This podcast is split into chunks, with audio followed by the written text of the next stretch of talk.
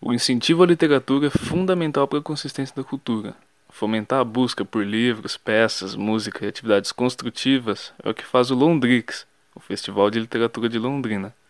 Em sua 15ª edição, o evento traz o intercâmbio entre artistas locais e artistas de influência nacional para promover a criação, atualização de conhecimento e muita cultura. Através de oficinas, debates, palestras, shows, peças e feira de livros, o festival transborda integração e informação. Os encontros começaram no dia 4 de maio, com a abertura feita pelo terceiro Sarau das Pretas, Yamokumbi Vive. O dia trouxe a musicalidade negra com o DJ João Moreno, do Centro de Capoeira Angola, e a apresentação do músico maranhense Tião Carvalho, além de diversas outras atividades. Com o prosseguimento da programação, o Londrix pôde proporcionar um momento raro que não ocorria desde 1992. Uma noite memorável do Bar Valentino de 27 anos atrás, que movimentou e se guardou na lembrança de muitos, finalmente teve sua segunda edição. Poesia em Concert foi um dos destaques do Londrix 2019. Os poetas e escritores Mário Bortolotto, Rodrigo Garcia Lopes, Maurício Arruda Mendonça e Silvio Demetrio reapresentaram para Londrina a união entre poesia e música e sua potência de efeito nas pessoas. Para Maurício Arruda Mendonça, a reunião depois de toda a experiência foi prazerosa. Eu acho que tá todo mundo mais maduro, né? Mais experiente, assim, no sentido de, de domínio do seu texto, do domínio de sua poesia. Embora a gente tenha feito muito, algumas antigas, né? Mas é gostoso, super divertido.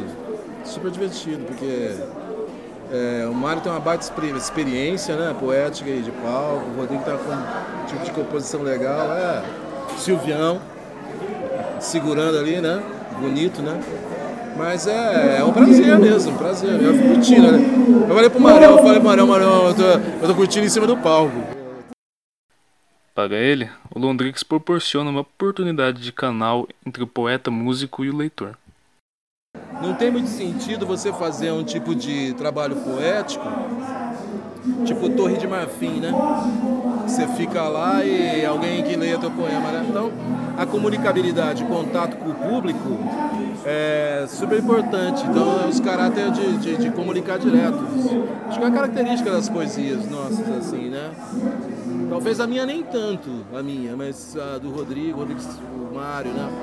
Mas eu acho que tem uma energia boa, porque tá lembrando um pouco como foi as primeiras vezes, é, no, a, a primeiro Poesia em Concert, foi interessante pela reunião e pelo fato de que não era comum fazer isso. Mário Bortolotto faz um paralelo entre o ano de 1992 e o período atual. Apesar de ter se apresentado com as mesmas poesias da primeira edição, para ele os tempos são outros. Mas eu quis mesmo fazer esse resgate do que eu, que eu escrevia naquela época, quando eu era jovem.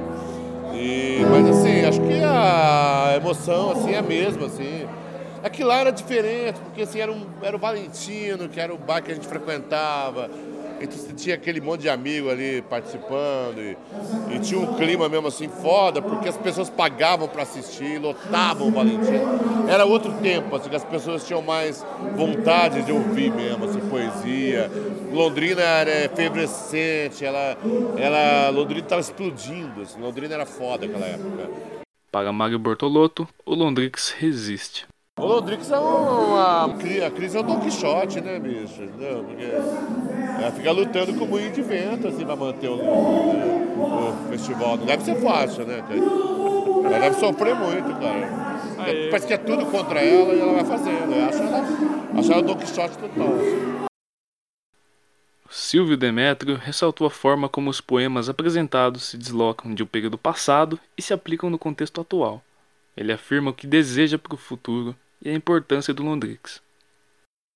Que eu curti assim, de alguns poemas que foram introduzidos agora assim, é que pô, são desse, né, dessa geração, né, Beat Generation, então, mas é uma coisa que parece que foi feita agora. Assim, fala né, para o momento que a gente está vivendo. Assim, isso é muito legal. Né?